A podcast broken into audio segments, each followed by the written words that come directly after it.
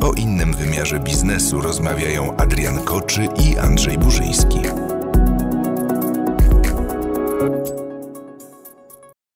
Dzisiaj porozmawiamy sobie o tym, co zrobić, kiedy konkurencja zaniża cenę poniżej granic opłacalności. Zanim dam dojść do głosu Adrianowi, który nam ten temat wyłuszczy tutaj e, dokładniej, to chciałem powiedzieć o takich sześciu ciekawostkach, które zauważyłem.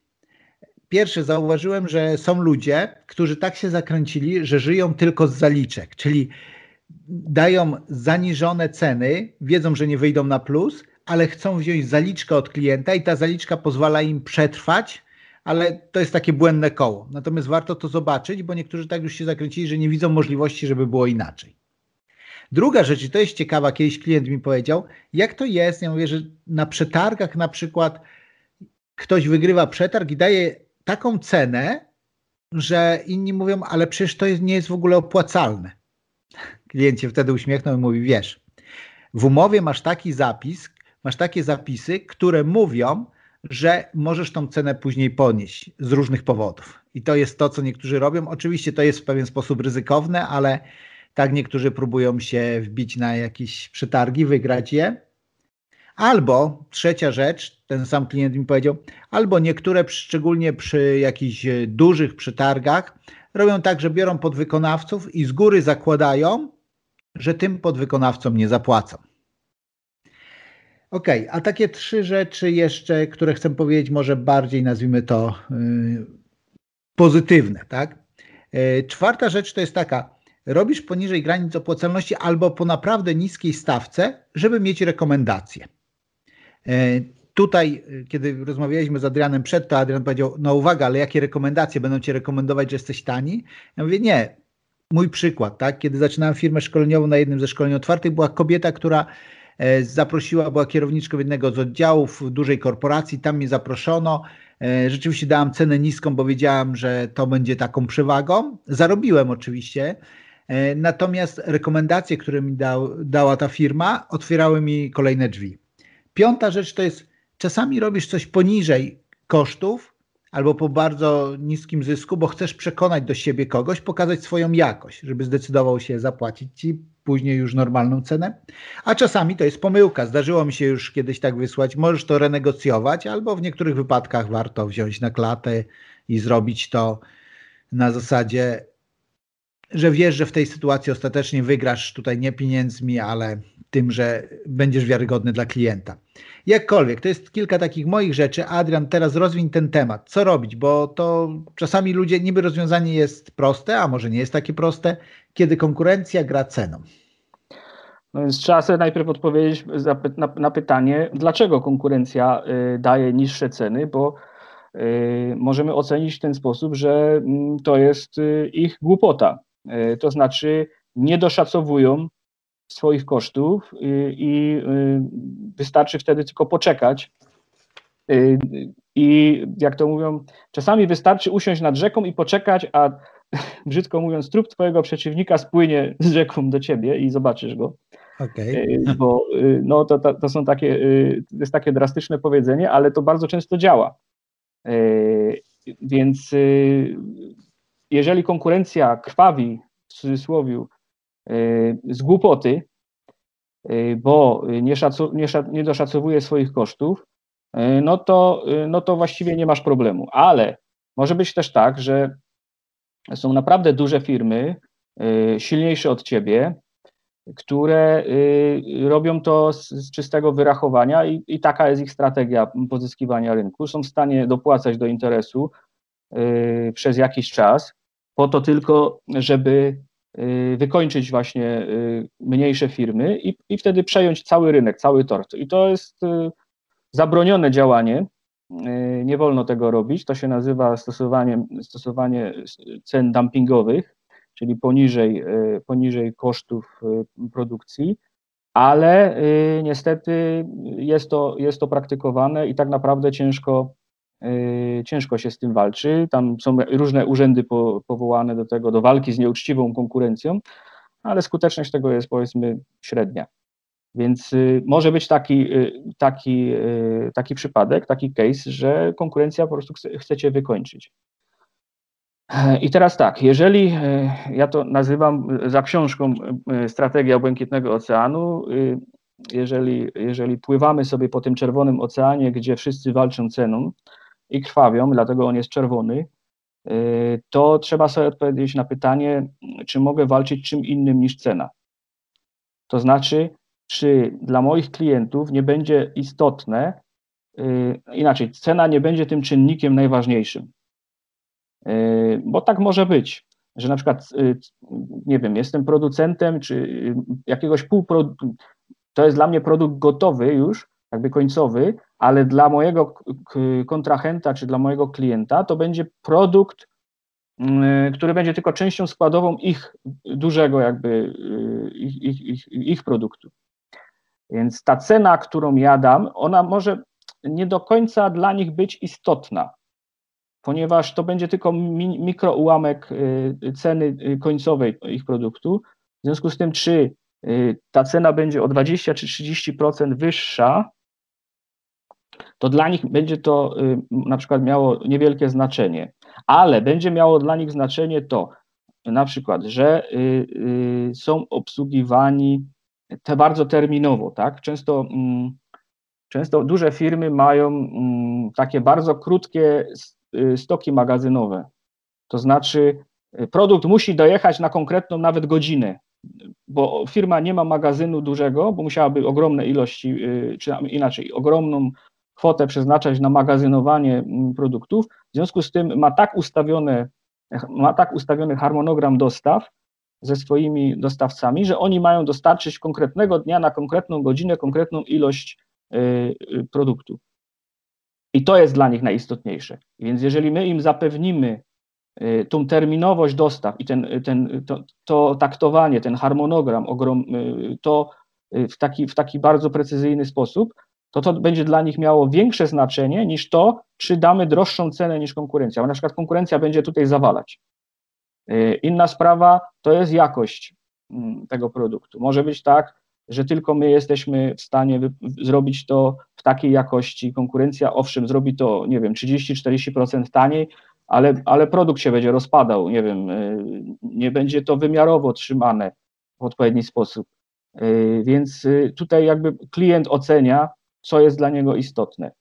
E, mamy klienta, który na przykład bardzo mm, sobie ceni to, że jesteśmy w stanie załatwić za niego wszystkie sprawy odnośnie projektowania, czyli całą, jakby całą, całe prace konstrukcyjne, projektowe e, są po naszej stronie i dla nich to jest bardzo ważne, bardzo istotne i, y, i tutaj y, jest to, jest to czymś, co może rzutować na to, że oni wybiorą właśnie nas, a nie kogo innego, kto im tego serwisu konstrukcyjnego nie zapewni.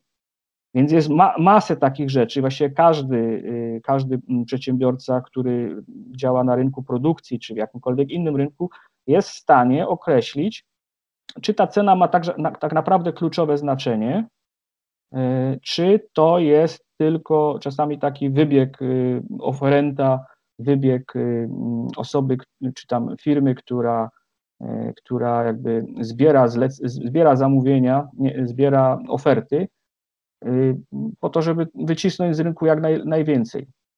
Więc to też musimy, musimy umieć ocenić. Więc jeżeli konkurencja walczy ceną, a my możemy walczyć innymi jakby zaletami, innymi czyn, czynnikami, to ja bym się tutaj specjalnie y, ceną nie przejmował, dopóki y, to jest tak jak z wyceną roboczo-godziny, o którym żeśmy też mówili. Jeżeli jestem w tym złotym środku, to znaczy klienci napływają i są zadowoleni i, i chcą płacić cenę, którą ja czy moja firma jest, jest y, są w stanie to zapłacić za produkt mm, i za obsługę i za, za serwis, to nie widzę powodu, żeby się przejmować konkurencją, która będzie zaniżała ceny, bo być może to jest tylko ich jedyny argument, który mają, bo nie mają żadnych innych. Natomiast jeżeli te atuty pozacenowe y, nie skutkują, to to jest ostatni moment, y, kiedy, y, to jest moje zdanie, kiedy ostatni moment, kiedy należy szukać nowych obszarów działania. To znaczy przebić się czy przełamać gdzieś y, coś y, i przebić się na ten błękitny ocean, gdzie konkurencja przestaje mieć znaczenie, przynajmniej przez jakiś czas. I to jest jakby, y, to są jakby dwa tory działania, które właściwie w każdej szanującej się firmie, w każdej firmie, która, e, która jakby chce się rozwijać i chce y, y, no, być konkurencyjna na rynku, to muszą być jakby dwa tory działania. Po pierwsze, cały czas szukam nowych obszarów działania, cały czas po, poszukuję nowych możliwości. One są tak naprawdę nieograniczone. I to, to nie jest prawda, że no, firma mówi, a co, co ja mam robić? Przecież robię w tej branży i, y, i już y, no, w tej branży jest skończona ilość y, produktów i nie, nie, nieprawda. Możesz, możesz cokolwiek zaadoptować, możesz połączyć dwa, dwa produkty, możesz połączyć produkt i usługę i spowodować, że to cię wypchnie na, na obszary, czy na, na, na, znajdziesz klientów, do których nie ma dostępu Twoja konkurencja. Że nikt nie pomyśli o tym, że, że na takim obszarze można działać. E, I to e, musi być, e, musi być robione. W tym momencie, jakby też zaniżanie ceny przez konkurencję gdzieś daleko z tyłu, za Twoimi plecami, nie będzie miało dla Ciebie znaczenia, bo wejdziesz na taki poziom, że nagle, my mamy taką, kiedyś jak zaczynaliśmy działanie, w, te, w, na tym, w tej branży, w której w tej chwili jesteśmy, e, to mieliśmy taką firmę, która bardzo nam psuła krew. Jeździli wszędzie tam, gdzie my e, i zawsze dawali niższą ofertę. A wtedy, od jakiegoś tak roku czasu ponad e, w ogóle ta firma nam nie, no, nie zauważamy ich, ponieważ już nawet no nie są w stanie nam zagrozić tym, tym że, że dają ceny czasami poniżej, y, poniżej y, no, ceny rynkowej, poniżej ceny produkcji. Po prostu stracili nam się z pola widzenia. Wiemy, że istnieją, natomiast y, przestaliśmy się nimi przejmować w ogóle. Bo korzystamy z atutów pozacenowych i, i ciągle szukamy obszarów działania, o których oni w ogóle nie mają pojęcia. Dzięki Adrian, tak obszernie się podzieliłeś. E, to, co powiedziałeś, chciałbym, żebyś się rozwinął e, tą końcową część, w której powiedziałeś, ciągle szukamy nowych obszarów działania. Pamiętam nasze pierwsze spotkanie, ten czas leci 9 lat temu, kiedy takie szkolenie robiłeś we Wrocławiu i pamiętam to, co tam kilka rzeczy mi z tego szkolenia zostało do dzisiaj, ale jedna z takich pokazywałeś, że ty myślisz o nowym biznesie albo o nowym sposobie działania tego biznesu, w którym jesteś, w momencie, kiedy masz tą falę wznoszącą. Tak. Nie w momencie, kiedy, jakbyś mógł ten wątek rozwiązać. To jest, to jest właściwy moment, żeby szukać y, nowych obszarów działania, wtedy, kiedy twój poprzedni biznes, czy dotychczasowy biznes działa bardzo dobrze. To już jest wtedy moment, y, żeby rozpoczynać, bo masz jakby y, możliwość finansowania tego, oprócz tego trzeba założyć, że powiedzmy szukając tych nowych y, obszarów pomylisz się i gdzieś tam coś, coś stracisz, coś wtopisz, y, więc trzeba założyć możliwość pomyłki, więc dobrze, dobrze jest to robić wtedy, kiedy masz możliwości, a nie wtedy, kiedy już zaczynasz dołować. Bo jak zaczynasz dołować, czy zaczynasz czuć oddech konkurencji za, to, za sobą, to czasami możesz już nie mieć możliwości, czasu i pieniędzy na to, żeby, y, żeby ruszać coś nowego. I tu jest, y, tu jest cały pies pogrzebany. Ja ostatnio czytałem artykuł gdzieś w, w internecie o, o, targowiskach y, i mm, taki artykuł, taki, taki tytuł był tego artykułu bardzo taki dołujący. Na targowiskach zostali tylko sprzedający. Yy, I ci ludzie, często to są już ludzie w podeszłym wieku, i oni mówią: Nasz PESEL już nie, nie uprawnia nas do tego, żebyśmy szukali czegoś nowego i, i, i próbowali się przebranżowić, yy, bo jesteśmy za starzy na to, bo, yy, bo już po prostu no, chcielibyśmy tylko dotrwać do emerytury. I teraz moje pytanie, które mi się od razu nasuwa, to jest takie: co ci ludzie robili przez całe życie? Czy oni oczekiwali tego, że świat nie pójdzie do przodu i w tych swoich budach y, na targowiskach będą handlować do skończenia świata i trzy dni dłużej, kiedy teraz cały handel przeniósł się do galerii handlowych, a, a już handel przenosi się do internetu, który jest wygodniejszy, bo wszystko zamawiam y, w domu, przywożą mi to do domu. I co? Ci ludzie myśleli przez całe życie, y, że to się nigdy nie skończy i nigdy nie nastąpi taki moment, kiedy jakby nowe pokolenie klientów już nie będzie chciało przyjść w deszczu na targ i kupić, nie wiem, yy, yy, czego, yy, piłki do metalu na targu. No teraz ja potrzebując jakiegoś narzędzia czy jakiegoś, jakiejś rzeczy, nie idę na targ, gdzie jeszcze 15 lat temu handlowali y, Rosjanie, tylko po prostu klikam w internecie, znajduję to w Google'ach i zamawiam najtańszą opcję czy najlepszą opcję dla mnie i, i kurier mi to przywozi albo zostawia y, w paczkomacie i sobie odbieram w dogodnym momencie, albo, albo przywożą mi to do domu. Więc to jest przykład ludzi, smutny przykład ludzi, którzy przespali swoją szansę, bo w pewnym momencie dobrze prosperowali, mieli pieniądze, mogli myśleć, mogli się rozwijać, ale nie zrobili tego. I, i, no, i życie ich y, zamiotło pod dywan.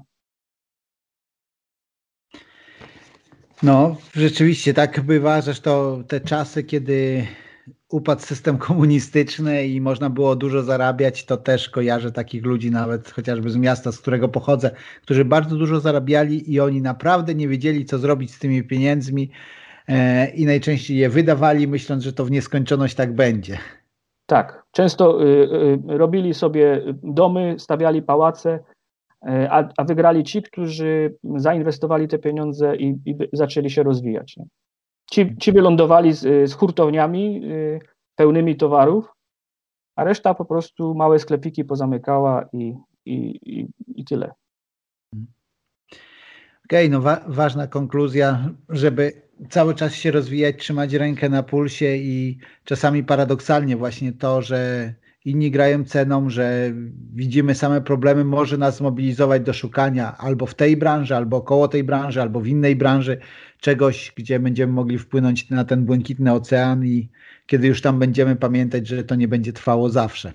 Konkurencja, która ci jakby y, y, trzyma ciągle pochodnie pod tyłkiem, powoduje to, że, y, że się rozwijasz, powoduje to, że ciągle szukasz i musisz uciekać przed tą pochodnią, który, którą, ktoś ci chce, którą ktoś ci chce podpalić, więc paradoksalnie to powoduje rozwój.